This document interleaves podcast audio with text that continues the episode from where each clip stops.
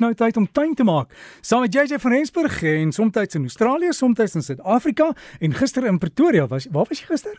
Ek was gister by The Wilds by Plantland gewees en weet jy wat 'n ongelooflike groep mense was in hier daar gewees nie. Uh dit was so lekker net 'n vinnige praatjie daar gehad in die middag en ja, die vinnige praatjie het tussen 3 ure lank geword. So was nie so vinnig nie. So, so waaroor het jy gesels, JJ? Jong, alles en nog wat jy in die tuin kan doen en net 'n bietjie inspirasie vir mense om te kan tuin maak. Jy weet, ja. dit is eintlik iets ek dink mense het inspirasie nodig. Mense het daai lus vir die lewe weer nodig om ietsie buite te doen, ietsie vir in hulle eie tuin te doen. En interessant is tydens die die COVID pandemie het baie meer mense weer begin self goed doen, self hulle tuine regmaak, self begin skool want jy kon nêrens gaan nie. Jene broer, jy moes in die kwekerybedryf gewees het net na COVID pandemie of daar aan die einde toe eintlik nog aan die gang was. Jy kan nie glo hoe mal het die mense gegaan oor tuin maak ja. nie. Skielik was daai kwekerye chock en blok vol geweest. Mense het plante verkoop soos jy nie kan glo nie. So ja, en dit het mense eintlik weer geleer dat jy kan eintlik uit jou tuin net lewe. Jy weet jou tuin is nie net 'n plek waar jy hmm, tuinier ja. baie van sy tyd spandeer en jy nie noodwendig altyd dit geniet nie. Jy weet hoeveel van ons geniet eintlik ons tuine? Hoeveel van ons het daai tyd om in die tuin rond te loop? Jy was gedurende die COVID was jy eintlik half geforseer om by die huis te bly en ook deur die tuin te loop en die tuin te geniet. Jy ja. weet so ja, nee, definitief. En en dan gou, ek het 'n boodskap gekry van iemand wat sê hulle het 'n bromelia, wat so grond het 'n bromelia nodig? ek het hom net gehoor jy hom gesê. Kyk, 'n bromelia is eintlik mos 'n ligplant. Hy het nie grond nodig nie. So mm -hmm. jy kan 'n bromelia teen 'n boom vasmaak, teen 'n tak vasmaak, net ergens waar hy vog gaan kry en waar hy basies geanker kan wees. Hy gaan dan self daai ankerwortels uitstuur. Dis hoekom partykeer koop jy bromelia sommer net op 'n stomp. Hy het geen grond regtig op hom nie. So ja, is 'n ligplant. So grond gaan hom dan laat vrot. Grond gaan hom teen teen laat vrot. Hy gaan teen teen nie baie bromelias word in grond gekweek, maar hulle ontgroei hulle self baie vinnig uit die grond uit. Jy ja. weet so. En ja. soos soos hierdie die staghorn vir die varing, die tapopvaring, ehm um, ja. en jy voer hom met piesang wat potassium is, nee. Dis korrek, ja. Die dit is nou, dis korrek. Ja. Eintlik die piesang self ook sommer, nie net die ja. skille nie. Sommer die piesang self ook want hy kan baie vinnig druk hom in en sê, hier's jou kosboek. ja. Hier's jou ontbyt. Ja, so jy kan hom eintlik net bo op hom neersit en daai potassium, die stysel, ehm um, wat die kalium eintlik is, dit gaan dan in die piesang basies in vrot of in die, in die, in die, in die jammer in die takboekvaring in vrot en dit is hoe hy ook dan nou die takboekvaring voer en dan groei hy beter. Maar jy jy het 'n hele lys van dinge wat ons daaroor gaan gesels en dan gaan ons kom by die plant van die week. Ah, sê Derek, ja nee, ons ek, dit is nogal interessant. Jy weet nou met die draai van die seisoen. Verskeie mense die week gehad het gekla oor termiete in die grasperk en dit is nou wat ons die grasdraer ter, grasdraer termiete noem. Nou, grasdraer termiete is gewoonlik ligbruin in kleur en het streepies op hulle agterlywe. Nou, dis baie keer wat mense sommer net 'n reismier noem. Nou, reismier is eintlik ietsie wat vlieg um, en dan versprei hy so natuurlik die termiet van een uh erf na ander ene toe en dit is dan nat natuurlik waar die termiete vandaan kom. Nou die tyd van die jaar gedurende die laat somer en herfsmaande gaan mense baie meer van hierdie grasdaar termiete gewaar en die probleem is ook natuurlik met al die reën wat ons gehad het is die grond sopnat en die termiete het natuurlik verskriklik vers, versprei. So as jy nie nou vinnig gaan plan maak nie, gaan jy letterlik jou hele grasperk binne 'n week of so verloor. Hoe weet jy as jy termiete het? Gaan kyk bietjie op jou grasperk. As jy sommer sulke kaal kolle sien van waar hulle weggevreet is, en dan weet jy dit is die termiete wat daar so besig is. Gewoonlik sien jy hulle in die laatmiddag en die aande, maar ek het nou in die week het ek selfs in die middel van die dag het ek op grasperke van die termiete gekry. Nou gelukkig kry mens lokase wat 'n mens kan uitgooi wat die grasdraer termiete in hulle neste indra en so van die hele nes ontslaa raak. Moet jouself nou net nie verwar met die grasdraer termiete en die houtbeskadigende termiete nie. Onthou jou grasdraers is so 'n bruin kleur met die streepies op die lyfie en jou hout die beskadigende termiete is gewoonlik die wit lyfies met die donkerbruin of die rooi koppies. Nou hulle is ook gewoonlik op die bome en so aan sal jy sien, het hulle daai modder wat hulle teen die kante van die bome opstoot. Jy kry dit baie keer binne in die huis en so aan. Dit is nou 'n houtbeskadigende termiet en daarvoor sit jy nie 'n lokkas nodig nodig nie of neer neer nie. Jy behandel die eintlike termiet nes net so. Dirk, ek het ook gekyk nou na die um, weerkaart en ek sien dit is bloedig warm oor groot gedeeltes van die land, maar iets wat gereeld vergeet te bly is die opdeel van ornamente ornamentele grasse soos byvoorbeeld jou gewone mondo, jou gewone chorus en dan natuurlik ook jou grondbedekkers soos jou baba viooltjies.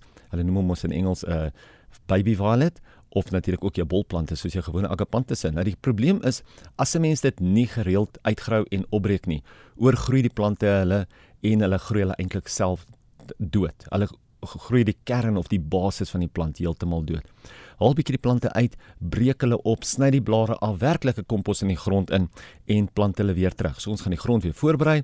Ons gaan 'n uh, bietjie beenmeel en so aanbyse en ons gaan dit weer kan terugwerk in die grond en of terugspit in die grond in en dan die plante weer plant in die grond. Terwyl jy omspit, kan jy ook sommer dan voer en hierso gebruik ons gewoonlik 'n uh, 232 vir wortelontwikkeling saam met die beenmeel. Ek sou die verdeling gedoen het sodra die ergste hitte nou net verby is. Maar loop so lank deur en beplan jou tuin, beplan so lank wat gedoen moet word sodat jy voorberei kan wees, sodat jy slank jou kompos kan kry, jou beenmeel kan kry, jou kunsmis kan kry. En dan teen die dag wat jy gaan opdeel, dan is alles daar. Ek het rukkie gelede het ek gepraat van lers wat 'n mens ook kan uh, plant wat jy kan gebruik om plantvermeerderings um uh, as 'n tegniek om eintlik meer plante te maak.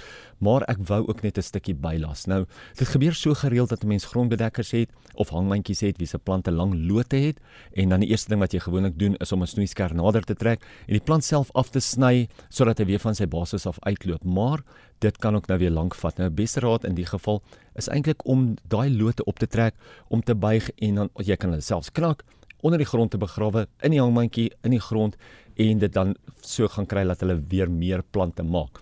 Dit is nogal waar, waar mense ook sê hulle sit sommer 'n klip op die plant se loot neer sodat hy geloot lekker kontak maak met die grond en dan gaan hy so gaan hy wortels vorm. Op dieselfde manier ek het gesien dat as jy tomaties plant, baie keer jy weet daai haartjies op die stam? Ja ja.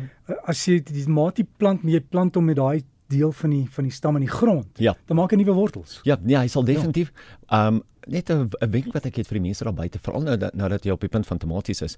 Baie keer sukkel mense met met baie fungusse en swamme op die tomatieblaar of op die op die tomatieplante. Mm -hmm. En dit is dan wanneer hulle nou sê jy moet eintlik daai onderste 2 of 3 stelle blare heeltemal ja. afbreek, ja. want die fungusse oorwinter in die grond, hulle lewe in die grond en so klim hulle dan basies weer op die plant. Ja. So as jy daai onderste 2 of 3 stelle blare afbreek, is daar niks fungusse funguspore wat op die blare self kan klim en die plant so kan affekteer nie. Geen roes nie. En geen roes nie, dis presies hy daai.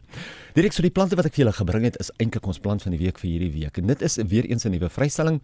En ek weet nie of jy almal op Facebook gesit het vir die mense nie. Ek ek het nou net die foto. Ons het 'n foto geneem want jy het hier aangekom letterlik met twee plante onder die arms en toe sê weer weer hoe is joune, Derek is joune. Dis die plant van die week, maar jy het ook gesê dis internasionaal een van die die beste plante. Heerlikheid broer, hierdie is 'n Hydrangea Runaway Bride, maar Voor ek vir jou meer vertel, ja, die, ek moet gou noem dat hierdie unieke Kersroos die 2018 RHS Royal Horticultural Society se plant van die jaar toekenning gewen het. En hier het ons hom nou in Suid-Afrika 5 jaar later en ons het hom vir die publiek beskikbaar. So, verskeie verskeie Kersrose blom net een keer in 'n jaar, maar hierdie plant kan dwars deur die somermaande blom. Hierdie unieke wit Kersroos is een van die makrofille variëteite. Nou makrofille beteken hy het lekker groot blomme, maar hy is ook wat hulle noem 'n lyskap um Kersroos. So hy het die klein blommetjies aan die binnekant maar groot blomme aan die buitekant van die blomknoppe as ek dit so kan stel. Hier praat ek van die individuele blomme en ek praat nie noodwendig van die groot blomknoppe nie. So party mense sal sê maar my blomme is groter, maar jy kyk nou na die hele blomknop, nie na die eintlike blommetjie nie. Wat hierdie een so spesiaal maak en anders maak, is so wanneer hy in blom oortrek is met blomme, is dit nie net die enkel groot um, knoppe nie, maar hy kan op elke knoop op die stammetjie kan hy vir jou nuwe blomme maak. So jy gaan 'n hele wit bos uit hom uitkry. Dis nie 'n mooi naam nie, Runaway Bride. En ja, so hy gaan nie net op die einde van die tak soos met die gewone Kersrose nie, maar dwarsdeur. Hy's net so gehard soos die ander Kersrose. Hy kan tot en met minus 15 grade Celsius hanteer. Hy groei die beste in semi-skaduwee met en hy kan nogal heelwat son hanteer en hy word weer eens met suurkompos geplant. Gooi hom gereeld nat. Onthou soos met die ander Kersrose, hou hy ook van baie water. So, jou runaway bride is op pad na jou huis toe. Baie dankie JJ en ek sien julle doen baie goed in potte. Ongelooflik. Ja. Baie goed in potte, baie goed in die bedding. So, dis die tipe van plant wat 'n mens kan gebruik as 'n filler, as 'n aksentplant. Is regtig 'n pragtige plant. En, en hy groei nie so groot soos die ou Kersroos. Hy groei so 1.2 meter hoog by 1.2 mm. wyd, so hy's nie so enorm nie.